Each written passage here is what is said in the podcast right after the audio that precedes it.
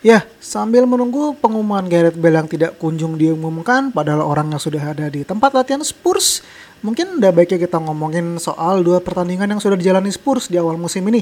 Masih bersama gue Suryo di podcast Ngobrol Spurs.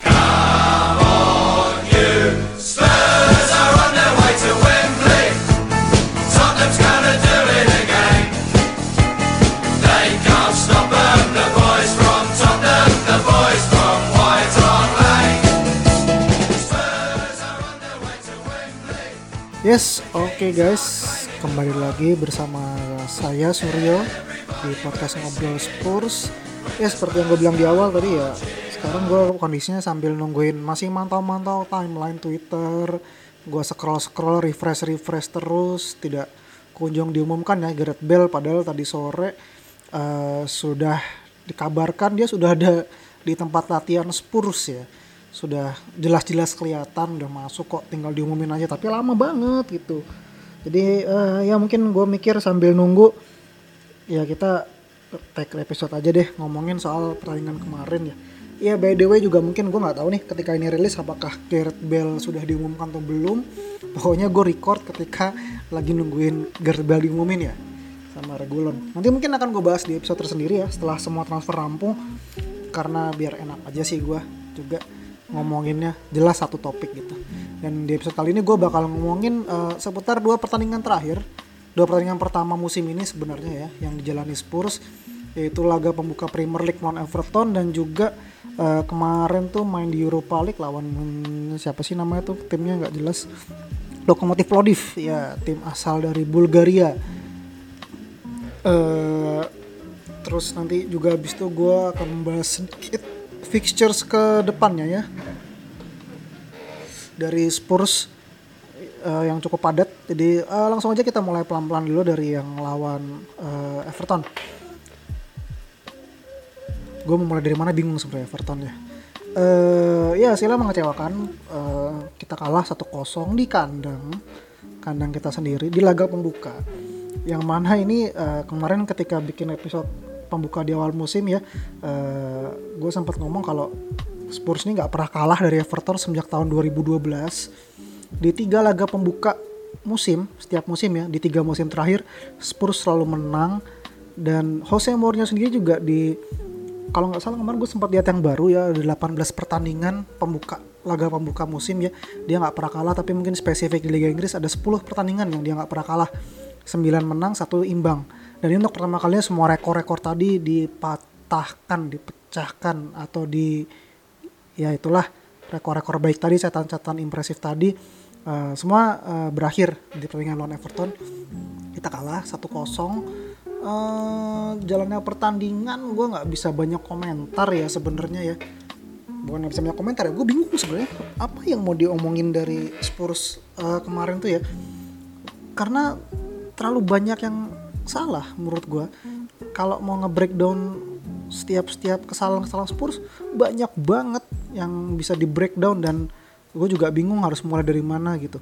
Tapi mungkin yang pertama uh, dari line up dulu ya line up kemarin kayaknya kemarin gue ngomong masih sama ya kayak yang gue bilang ya. Kemarin Loris, Davis, Dyer, Alderweireld paling di back kanan aja ya. Awalnya gue masih expect Serge Aurier yang akan main karena Matt sendiri baru belum pernah main ya di preseason juga di Spurs ya.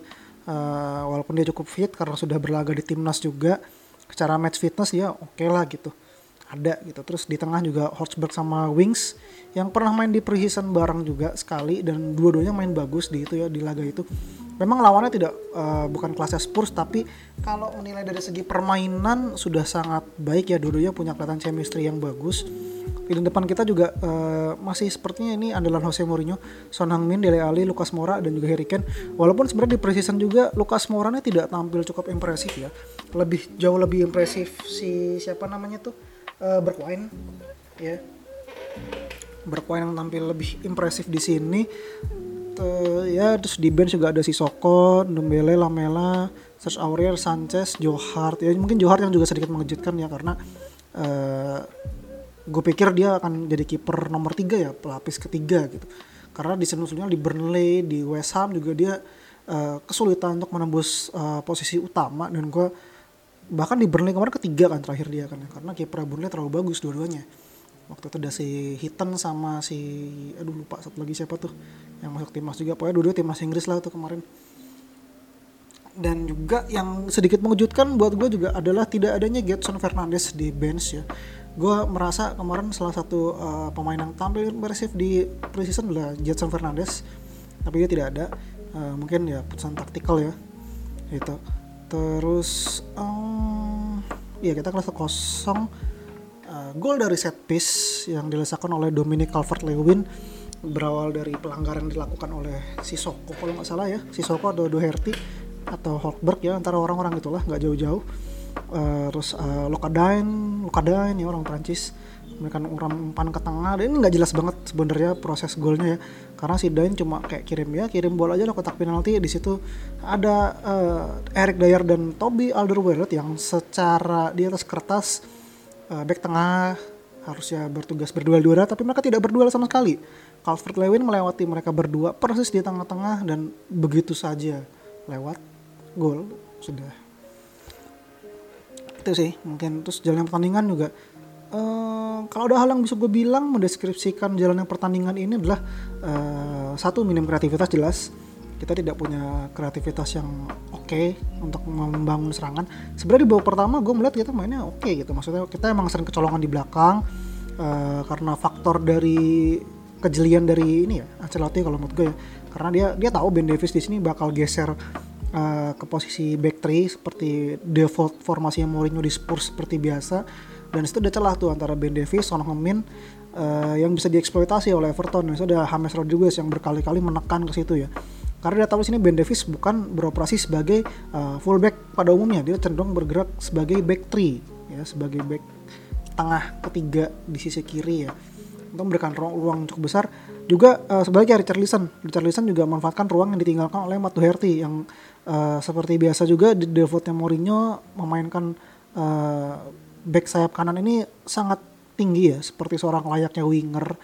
Dan ya ini juga posisi yang sudah ditempati Doherty di Wolves ya selama bertahun-tahun. Dia emang nyaman di situ dan sebenarnya tuh Doherty sendiri kalau kita ngomongin Doherty dia mainnya bagus ya. Maksudnya nggak uh, jelek-jelek banget ya. Jadi uh, buat debut ya walaupun dia nggak main full kelihatan dia stamina habis hampir mencetak gol juga di babak pertama menerima umpan chip dari Ken tuh bagus banget. Tapi uh, sayang dia tidak bisa maksim bukan tidak bisa maksimalkan sih ya uh, lebih ke Pickford yang melakukan penyelamatan bagus ya.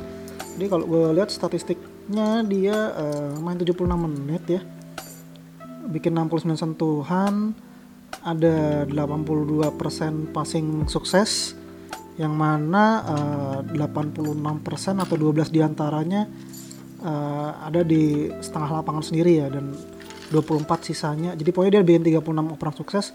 12 di antaranya ada di uh, area permainan Spurs sendiri dan 24 sisanya ada di area permainan Everton ya. Artinya 2 per 3 operan atau action play yang dilakukan oleh Doherty banyak lebih banyak di area lawan ya. Emang kelihatan sini kalau dari lihat heatmapnya dia emang beroperasi sebagai winger banget gitu. Dia jarang ada di posisi yang dia harus bertahan gitu walaupun statistik bertahannya juga ya sosok lah ya.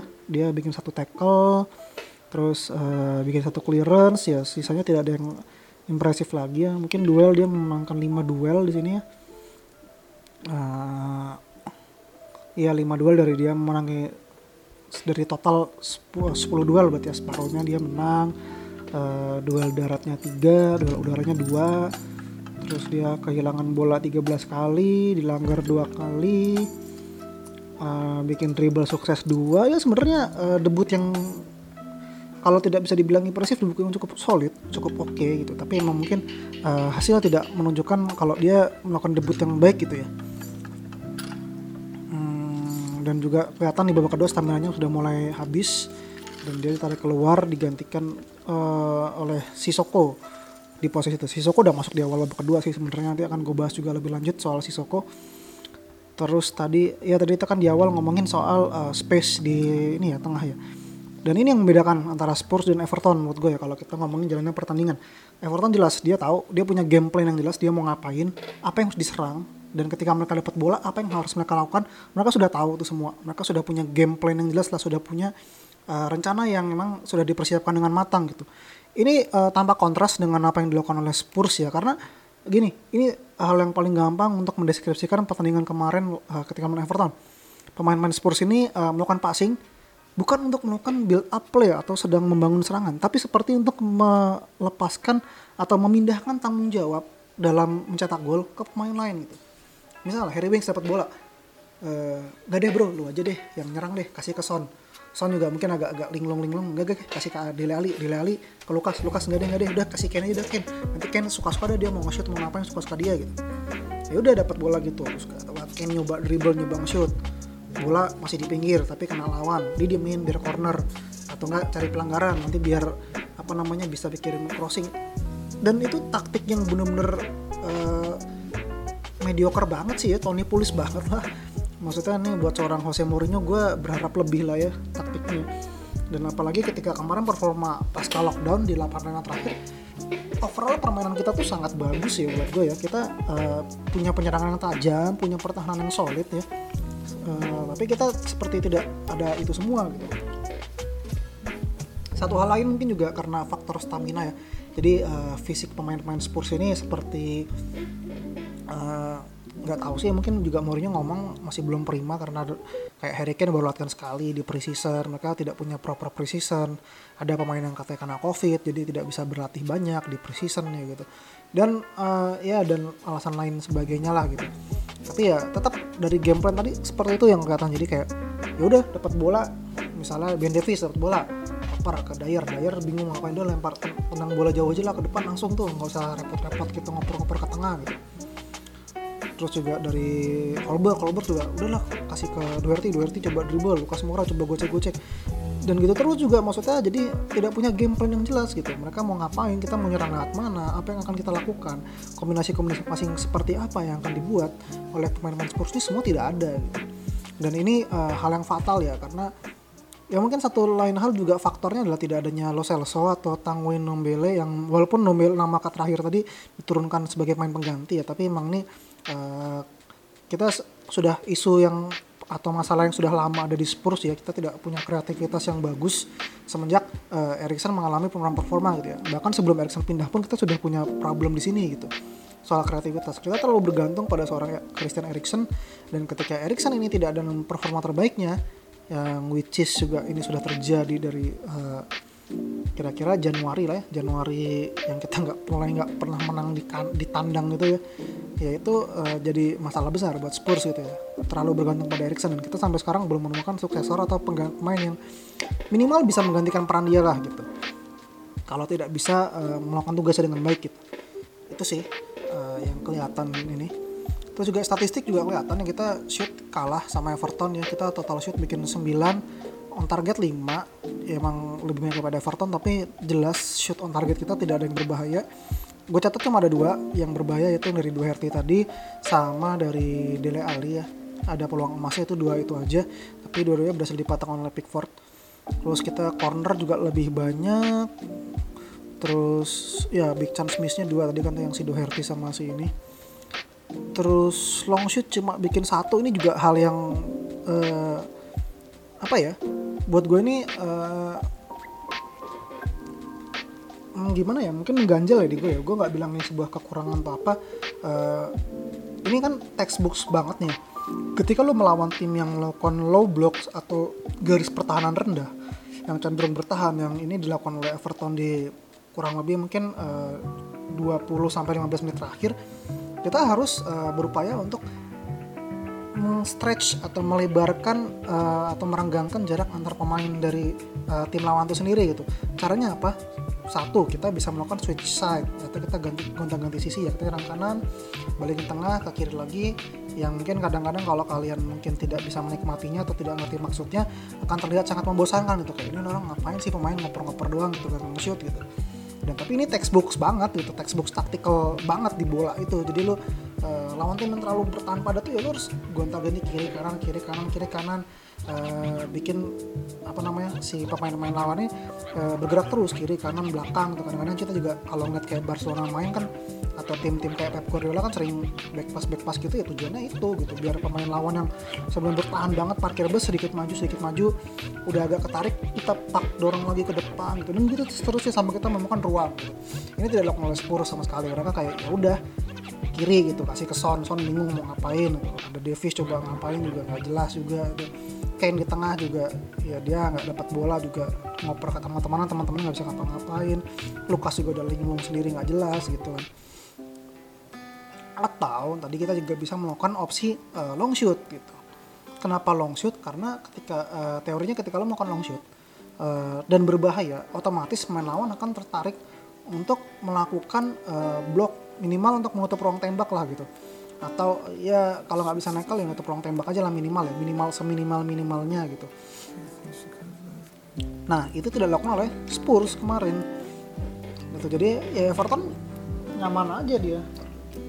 Nyaman aja dia diam di kotak penalti main-mainnya toh juga main Spurs menyerangnya di kotak penalti gitu kasarannya gitu kan. Dan ini uh, mengkhawatirkan ya gitu. Apalagi kalau melihat sebenarnya Spurs ada Son Heung-min ada Harry Kane terus juga uh, siapa lagi namanya Ndombele atau si Bergwijn yang juga dimasukkan tuh semuanya punya potensi untuk apa namanya menyerang dari lini kedua ya atau serangan tendangan jarak jauh ini gitu.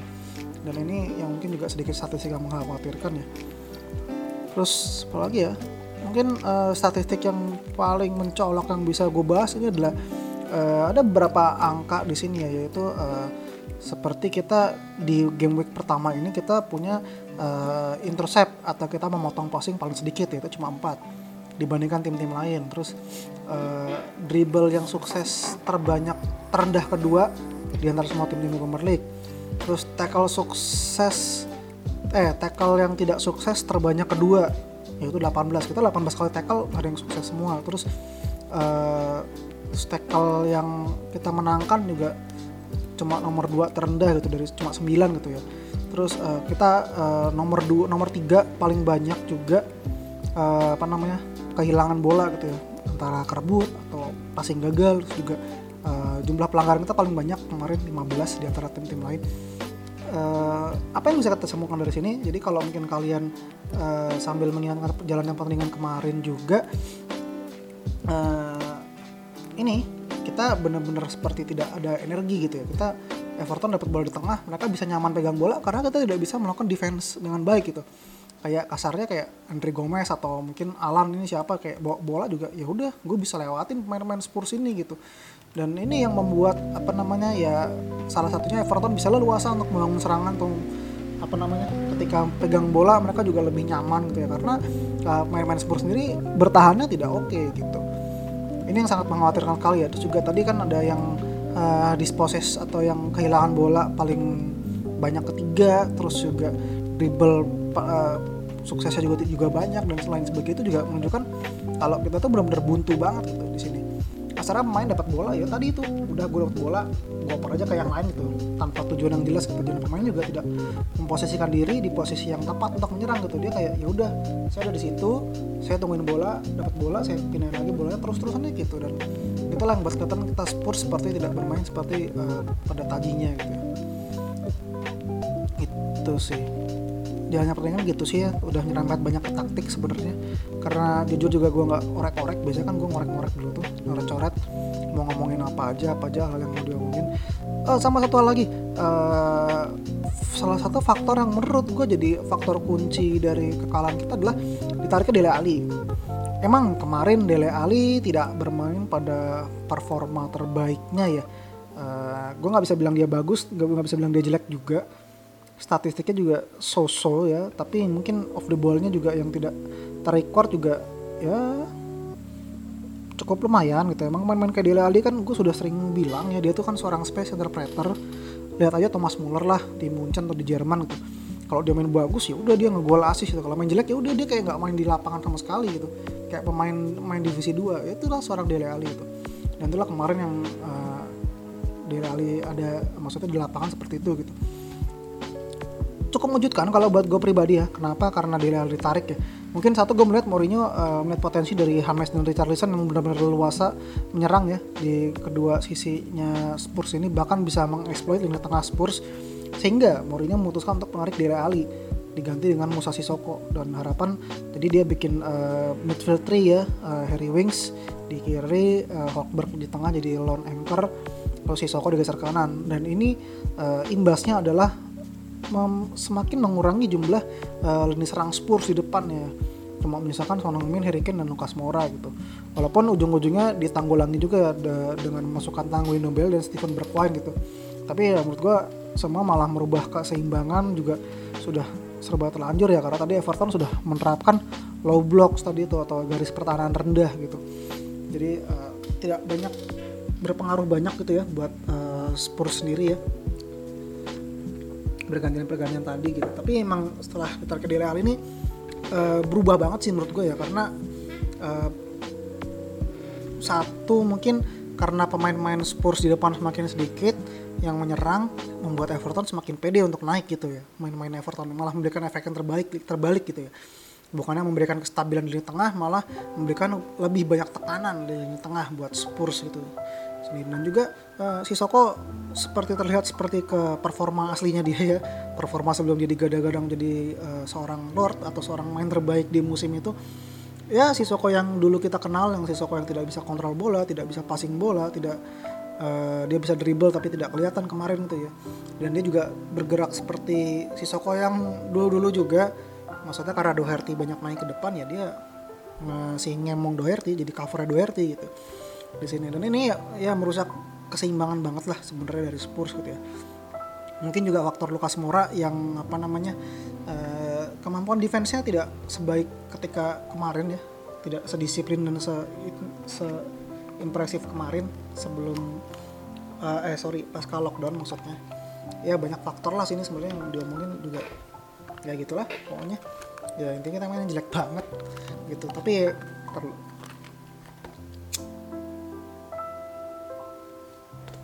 tapi emang tadi seperti yang gue bilang cara paling gampang untuk mendeskripsikan pemain Asper adalah uh, ketika kita passing kita seperti bukan untuk membangun serangan atau untuk menyerang atau untuk mencetak gol tapi kita passing seperti memindahkan tanggung jawab aja.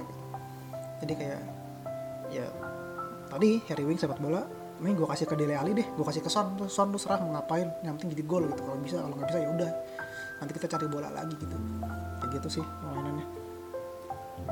tidak seperti ada taktik dan juga oh iya sama kurang passion sih maksudnya kayak kurang greget gitu mainnya kan. Si Mourinho juga ngomong kayak ini terlalu lembek nih maksudnya kurang agresif kurang intens pressingnya dan uh, apa namanya uh, ada rumor juga di dressing room atau di ruang ganti kalau pemain-pemain nggak setuju sama pas statement Mourinho gitu. Mereka mungkin seperti secara tidak langsung menyalahkan taktik dari Mourinho gitu ya. Tapi ini gue nggak tahu maksudnya ini cuma isu yang selantingan lewat aja bukan isu yang besar juga gitu. Karena ini cuma disimpulkan sepihak dari interview pemain aja gitu. Mereka merasa kalau kayak ya kita udah melakukan yang terbaik gitu. Mungkin satu pemain satu pemain tuh pasti ada satu atau dua kali mereka day off lah. Tidak ada performa standarnya mereka tapi mungkin ini terlalu banyak yang kayak gitulah. Gitu. Tapi gua, gua lebih senang mengomentari soal taktis dan teknis ya. Karena itu yang bisa dilihat dan bisa dinilai uh, secara dan menurut gue bisa diterima secara universal ya kita ngomongin angka-angka kayak statistik tadi. Uh, masih berisik kayak motor jam segini. Ini yang bikin gue benci sebenarnya. Salah satu ketika bikin podcast di rumah ya. Tapi emang di mana lagi? Cuma di rumah gitu. Apalagi lagi kondisi psbb gini corona corona gini ya. Karena rumah gue tuh berisik di jalan tuh. Kayak udah ditutup kayak apa juga. Tetap bocor suaranya di mana-mana gitu. Gue udah nyoba semua spot di rumah gue gitu. Ya itu sedikit intermezzo lah ya tempatnya nanti doakan aja mungkin gue bisa membuat kamar gue atau rumah yang lebih proper buat recording podcast. Jadi gue bisa uh, bikin anytime anywhere tanpa memikirkan gangguan-gangguan seperti uh, suara motor. Gitu loh. Anyway lanjut lagi uh, terus kita udah berapa menit gue ngecek wah sudah hampir setengah jam. Jadi lanjut lagi ke pertandingan melawan siapa tuh lokomotif Plodiv ya iya ya lokomotif Plodiv uh, terus terang gue tidak bisa menilai secara lengkap ya karena satu ini pertandingan tidak memiliki statistik yang lengkap. Tidak statistiknya tidak ada di mana-mana. Gue cari live score ada nggak ya? Belum ngecek live score ya tapi uh, kadang kurang lengkap juga sih terus kedua juga uh, streamingan yang gue dapet baik yang legal maupun ilegal semuanya juga tidak nyaman untuk ditonton ya. Kemarin dari Bain kan Bain kan dapat uh, eh, license dari apa namanya tuh? Standar sport atau sport apa gitu ya. Itu dua kali putus tuh. Putusnya pas gol semua lah gitu. Jadi gue nggak tahu tuh golnya gimana tuh. Kalau nggak salah corner ya. Dari situasi corner gitu. Terus kita Spurs ngegolin dari penalti.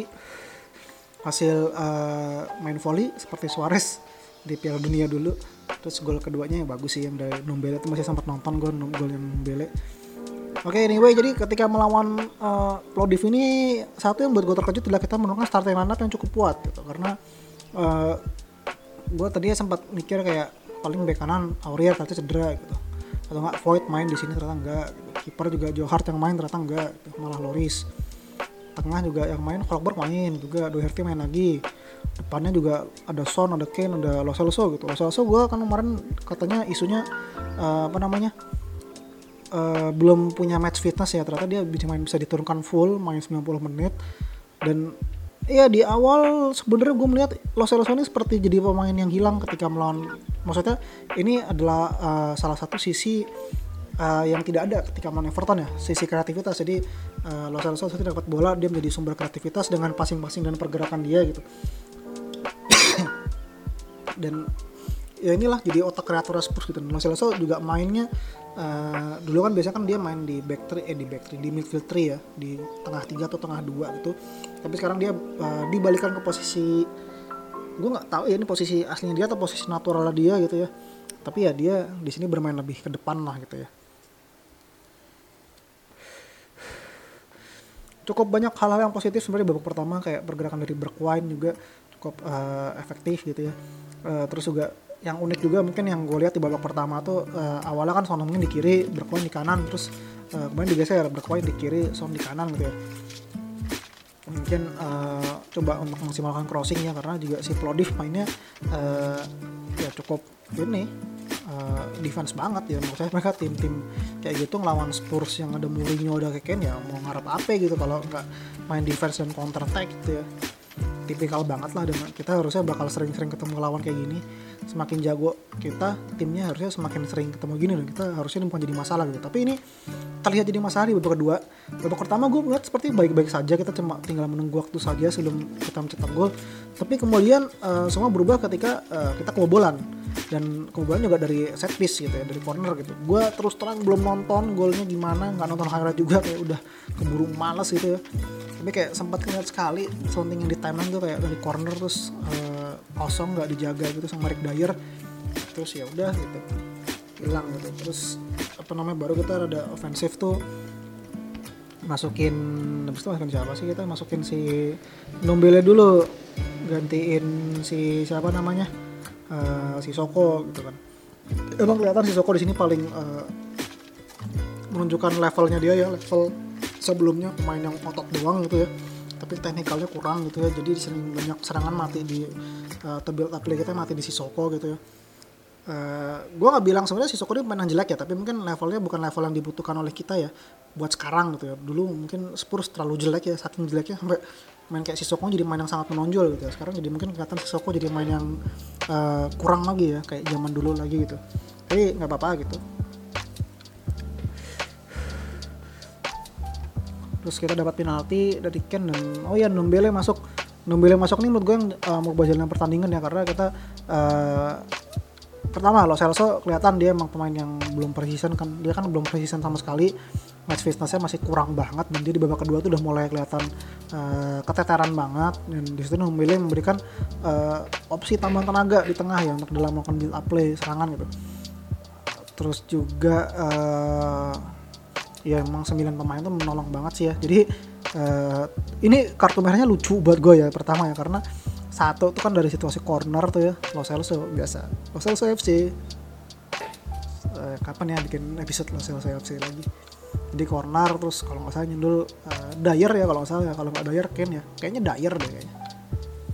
Atau atau malah Los Celso yang nyundul ya gue lupa deh. Son dari corner dari son ya. Sorry sorry gue agak lupa tuh ya. Terus uh, pemainnya Plodif uh, Dennis Almeida namanya ya. Dennis Almeida sorry. Main volley tepis pakai tangan terus penalti kan jelas kan kartu merah. Nah terus ternyata ada satu pemain Plovdiv yang katanya tuh gue juga tahunya baca dari uh, konferensi pers atau wawancara interview setelah pertandingannya Mourinho dia tuh nyangkul nyangkul titik penaltinya si yang mau ditendang Harry Kane itu. Terus wasit lihat kasih kartu kuning lah dia udah kartu kuning 9 pemain itu terus seperti biasa Ken kita gol dari penalti eh, pakai panenka rada-rada panenka tapi kekencengan kotaknya ya untung nggak out. Kalau lo main di FIFA L1 kotaknya sedikit aja dia kebanyakan kotaknya tapi untung masih gol. Terus baru boleh Numbele yang bagus tuh prosesnya tuh gue suka tuh. Jadi passing dari Numbele dia bikin kombinasi passing di tengah sama Lo Celso terus akhirnya nge-stretch bola ke kanan tuh ada Doherty atau Lukas ya? Lukas Lukas sorry sorry Lukas kirim crossing ke tengah itu ada Lo. Celso ada Numbele lagi yang melakukan running cutting ke tengah tuh ya. Dari dia dari sisi kotak penalti yang agak kiri geser ke agak kanan tuh. Itu juga sebenarnya gue nggak tahu tuh dia si Dombele mau ngoper ke Ken atau mau nendang tuh ragu-ragu tuh. Tapi untung bolanya masuk aja lah pokoknya tuh. Ya ini hal yang bagus ya positif juga eh, buat Dombele karena dia eh, sempat di kerap kali dirumorkan akan hengkang tapi ya bertahan ya mungkin musim dia untuk membuktikan ini semua gitu. Anyway in the end kita menang gitu. Dan sebenarnya kalau apa namanya ini gue langsung aja yang ngomongin soal apa yang bisa kita pelajari dari dua pertandingan pertama ini. Eh, pertama eh, pentingnya seorang Giovanni Lo Celso ya. Gue coba menurunkan standar gue sedikit menurunkan kacamata bias gue sedikit sedikit gue lap kacamata gue bahwa Lo Celso ini bukan seorang playmaker terbaik di dunia. Bahkan disebut salah satu play- playmaker elite pun bukan gitu. gue sampai sekarang pun masih bingung di mana posisi terbaik Lo Celso. Gue pribadi sendiri masih merasa Lo Celso ini posisi terbaiknya adalah di posisi gantung tengah gantung.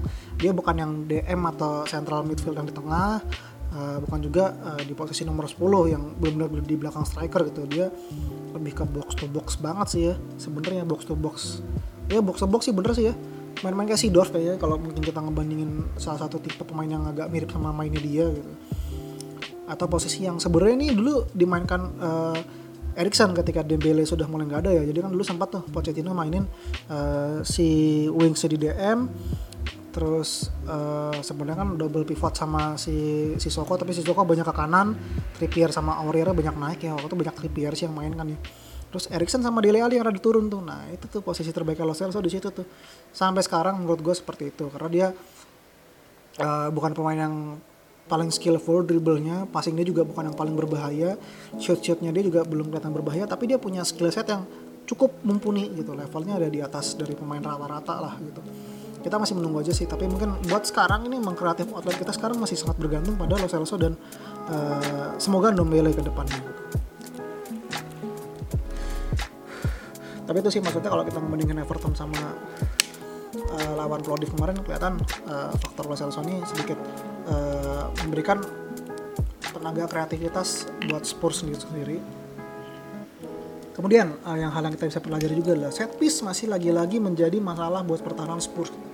Kita kebobolan dua lawan Everton dan Plodif masing-masing satu, dua-duanya eh, dari set piece semua gitu.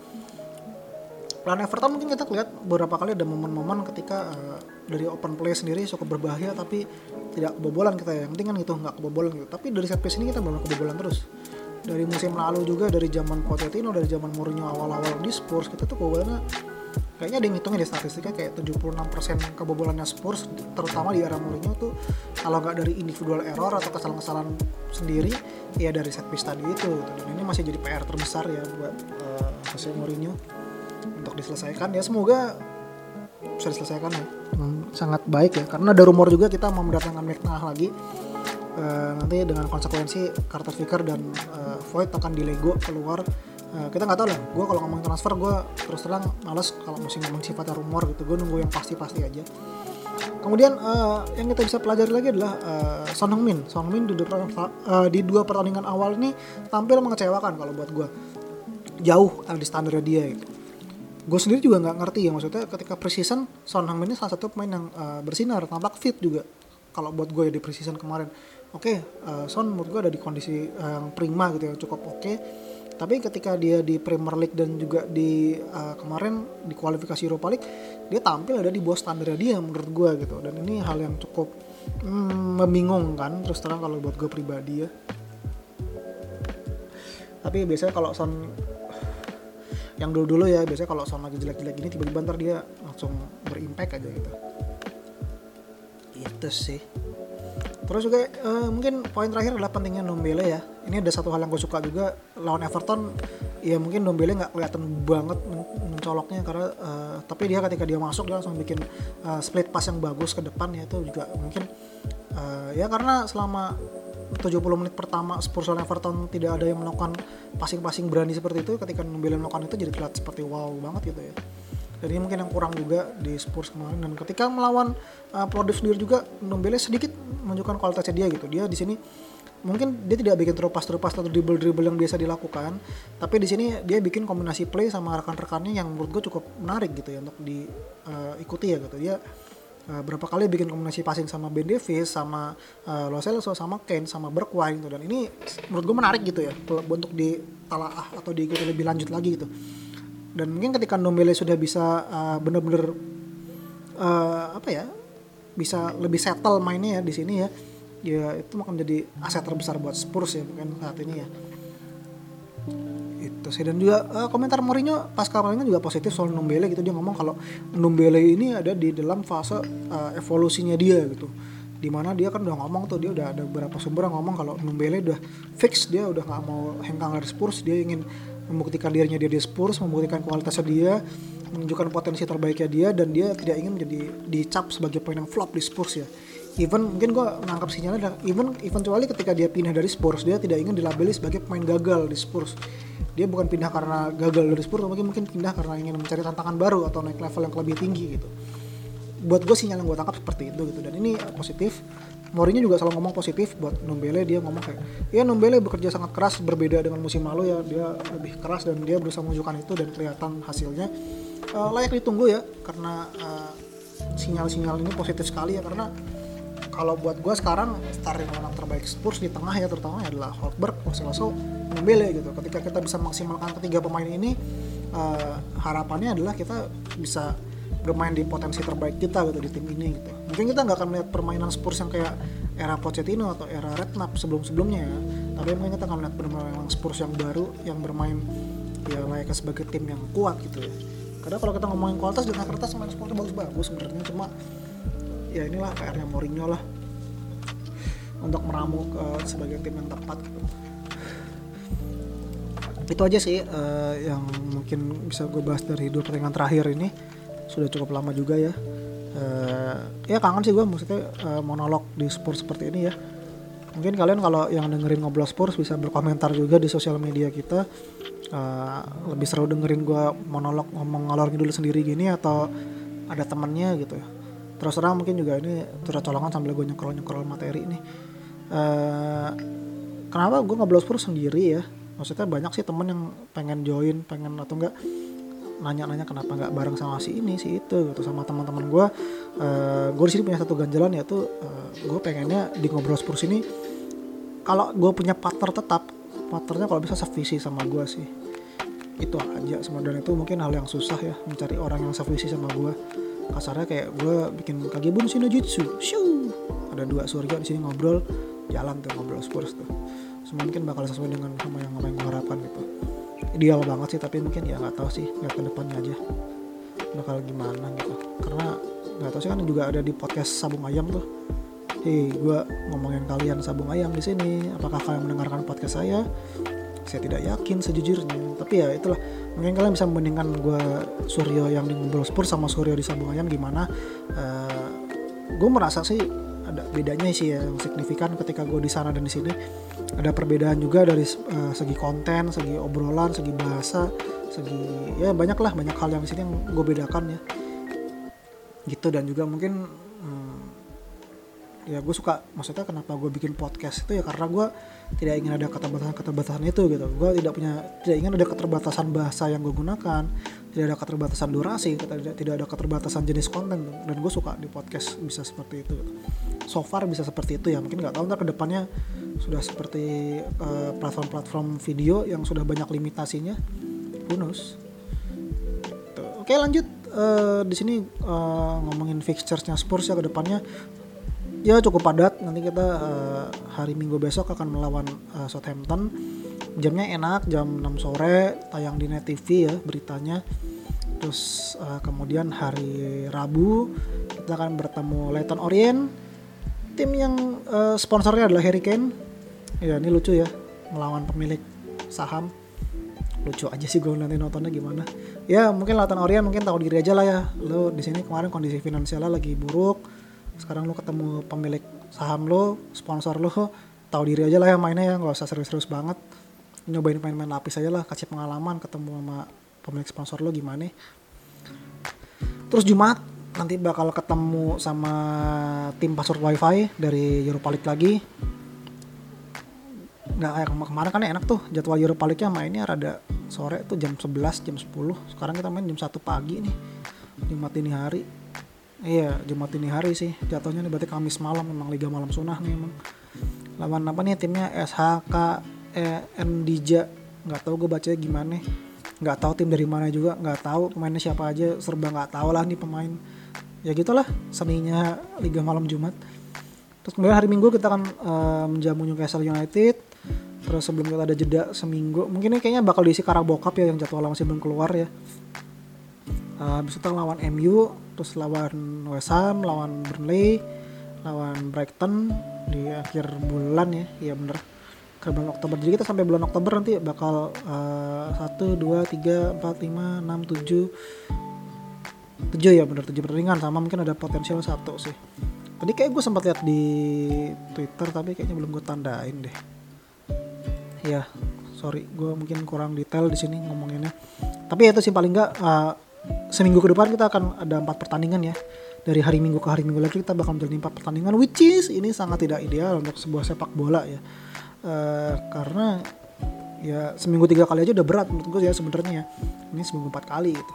Kalau kita sebenarnya kita punya kedalaman squad yang cukup oke okay, tapi mungkin eh, nggak uh, tahu sih gue menangkapnya standarnya masih di bawah standar yang diinginkan oleh seorang Jose Mourinho ya.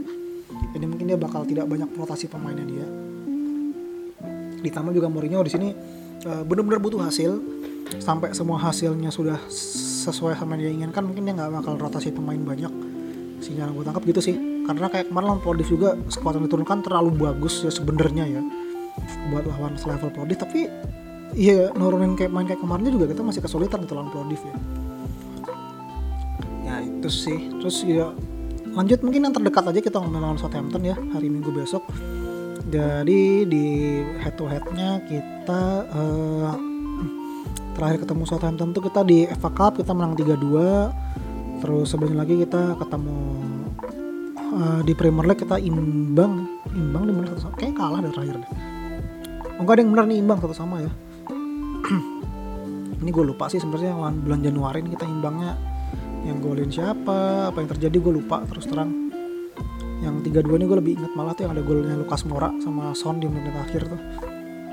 Terus juga sebelumnya kita uh, kalah 1-0 lewat gol Danny Ings. Terus juga gue masih ingat ini ketika Pochettino yang pegang kita uh, menang 2-1 yang diwarnai dengan uh, kartu merah dari Serge Aurier. Iya Serge Aurier yang kartu merah ya? Apa Son ya? Serge Aurier kalau nggak salah deh yang kartu merah. Terus juga Hugo Loris blunder sehingga Dennings bisa bikin gol terus uh, Harry Kane golin terus Ndombele yang golin gue masih inget terus terakhir gue Southampton menang banyak menang Southampton ya. Iya ya uh, head to head kita terlalu bagus ya. Mungkin kalau bisa ngomong lima pertandingan terakhir di semua kompetisi. Spurs di sini menang cuma dua kali. Satu eh sorry satu dua tiga. Kita menang ya benar menang dua kali di FA Cup sama yang uh, kita main Hugo Loris blunder itu terus seri sekali kalah dua kali ya. Ini head to head cukup ketat ya. Cukup ya terus juga mungkin kalau ngomongin main kunci Danny Ings masih jadi kunci di tengah eh di depan. Ya dirumorkan juga Danny Ings mau di Lego sama Spurs ya. Uh, kalau emang jadi beneran bakal ideal banget ketika kita punya dua striker yang levelnya Harry Kane sama Danny Ings itu ya mungkin nanti kita bakal mengulang zaman-zaman masa-masa kejayaan duet seorang Harry Kane dan Vincent Janssen. Karena lo kan juga dulu dan Janssen ketika didatangkan kan dia statusnya top scorer kan. Kayak Danny Ings kemarin gitu kan dia juga top scorer Cina Soton gitu. Datang ke Spurs jadi gitu mainnya. Itu sih. Terus ya mungkin uh, kalaupun Bell sama siapa tuh backnya Regulan mungkin datang. Gue nggak tahu kalau Regulan bisa turun atau enggak ya. Kalau Bell kayaknya enggak sih karena dia kondisi fitnessnya lagi nggak oke okay juga. Mungkin uh, belum bisa turun besok lawan Southampton tapi mungkin lawan Leighton mungkin bisa turun kali ya. Gue menduga seperti itu. Serge Aurier juga mungkin tampaknya belum bisa untuk turun ya. Masih Doherty besok yang akan main terus juga uh, gue nggak tahu gue mungkin ketinggiannya berharap ya tapi gue berharap mungkin Lo Celso sama Numbele bakal starter besok. Sorry Numbele maksud gue Lo Celso kayak gue positif bakal starter sih ya. Yang bakal jadi pertanyaan besar adalah seorang Dele Alli ya karena setelah pasca pelayan Everton kemarin dia ditarik di babak kedua di awal babak kedua jadi banyak uh, rumor ya soal Dele Alli ya. Entah yang dia dia katanya mau dijual atau dia mungkin gitu gini gitu gini gitu lah. Ya gue mungkin agak malas ngomongin rumor tapi ini bakal jadi menarik sih. Uh, mungkin Lukas Moura juga gue berharap dia uh, tidak diturunkan karena dia dalam performa yang sedang tidak baik ya. Uh, mungkin bisa ya berkoin sih yang main. Atau mungkin ya Dele Alli sih tuh main di situ jadi kita main pakai skema tiga sih tengahnya ya. Uh, jadi di tengah aduh masih banget motor. Pada knalpotnya gitu-gitu banget sih. Iya iya kalau gue pribadi gue uh, expect atau pengennya sih ya lebih pengen sih daripada expect ya. Uh, si Holberg Lo Celso sih ya. Terus nanti mungkin di depannya bisa pakai si Dele Ali jadi kita main lebih ke 442 diamond. Bisa juga atau bisa kalau mau melebar ya pakai Bergwijn sih ya. Kemarin juga Bergwijn lawan uh, juga mainnya nggak jelek-jelek banget kok bagus menurut gue sempat ada satu bikin shoot yang kena tiang tuh. Kalau shootnya juga bagus sih. Gitu sih. Tapi ya nggak apa-apa sih maksudnya gue senang dengan kedalaman Spurs squad Spurs yang sekarang gitu. Walaupun mungkin secara kualitas uh, juga merata ya merata jelek gitu. Tapi ya intinya kita punya standar maksudnya kita di atas kertas kita bisa merotasi pemain dengan lebih leluasa ya karena standarnya tidak beda berbeda jauh gitu ya.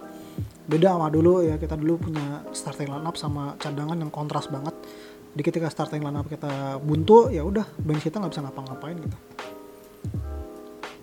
Lamela juga gue nggak inget sih kemarin lawan Prodi itu Lamela masuk tapi juga gue nggak tahu maksudnya ya harusnya Lamela masuk tapi gue nggak tahu. Maksudnya Lamela kemarin sebagus apa dan mungkin uh, ya paling jadi bench gitu. Itu sih palingnya. Atau mungkin bisa juga opsi kita main double pivot Hulkberg sama si siapa namanya? Uh, Wings. Terus uh, Losel Tangwe juga main. Depannya Sonken udah. Bingung dah tuh lu nggak ada yang lari itu yang lari cuma Doherty doang juga Doherty pelan larinya. Back tengah juga menarik apakah Davidson Sanchez akan kembali diturunkan ya? Gue merasa sebenarnya uh, Sanchez, Alderweireld sama Dyer ini paling bagus Sanchez ya sebenarnya ya. Tapi Sanchez ini pemain salah satu pemain yang sedikit lebih tidak difavoritkan oleh uh, Jose Mourinho ya. Mourinho lebih senang duet Dyer sama Alderweireld gitu ya. Padahal kemarin ya waktu pas pas lockdown kemarin tuh duet Alderweireld sama Sanchez tuh gue suka gitu dua-duanya mainnya tuh maksudnya saling melengkapi lah gitu. Maksudnya uh, Alderweireld yang main teknikal banget yang kasih komando Sanchez yang kerja kotornya dia juga kan fisiknya lebih oke okay, gitu ya. Tapi ya nantilah tunggu nanti aja gitu. Masih menunggu juga Japet Tanganga kapan bisa kembali diturunkan karena sudah hampir setengah tahun dia tidak bermain kalau dia pas terakhir tuh lagi bagus-bagus ya. Itu aja sih paling ngebahas ya mungkin ya masih serba nggak tahu lah ini ya. Uh, tapi ya tetap menurut gue pressure terbesar di Mourinho ya uh, untuk seorang Jose Mourinho gue masih berharap taktiknya lebih bagus gitu ya. Minimal dia bisa uh, kayak kemarin lah di 8 pertandingan terakhir uh, pas kalah lockdown itu mainnya bagus banget. Ya nggak bagus banget sih tapi mainnya solid lah menurut gue tuh. Itulah Spurs yang ideal yang menurut gue bisa kebayang di uh, kepala gue ketika ditangani Mourinho gitu tapi dua pertandingan terakhir nih sedikit mengecewakan gitu ya. Oke itu sih dari gue uh, ya udah sekali lagi terima kasih sudah mendengarkan podcast ngobrol spur sudah mendengarkan ngadol ngalor ngidulnya gua uh, dan sekali lagi gue ucapkan selamat datang buat yang baru dengerin ini ngobrol spur season 2 kalau kalian mau dengerin season 1 ya tinggal scroll aja dikit nanti ada gitu ya. Gue juga berencana mau melakukan eh, apa namanya mau naruh podcast ini di platform lain tunggu aja deh tanggal mainnya karena belum gue lakukan juga. Hmm, jadi gue nggak bisa ngomong banyak seperti biasa, kritik saran dan masukan selalu sangat terbuka gue terima. Mau di Instagram walaupun gak aktif juga. Bukan gak aktif sih ya maksudnya gue buka gitu tapi nggak ada isinya gitu ya. Boleh di at ngobrol spurs instagramnya twitter juga sama at ngobrol spurs sambung semua. Udah itu aja dari gue sekali lagi thank you dan sampai ketemu lagi. Jangan lupa jaga kesehatan dan semoga spurs juga mainnya menang. Menang udah gak usah main bagus menang aja dulu dah. Gitu oke thank you. Gue Suryo pamit dulu. Bye bye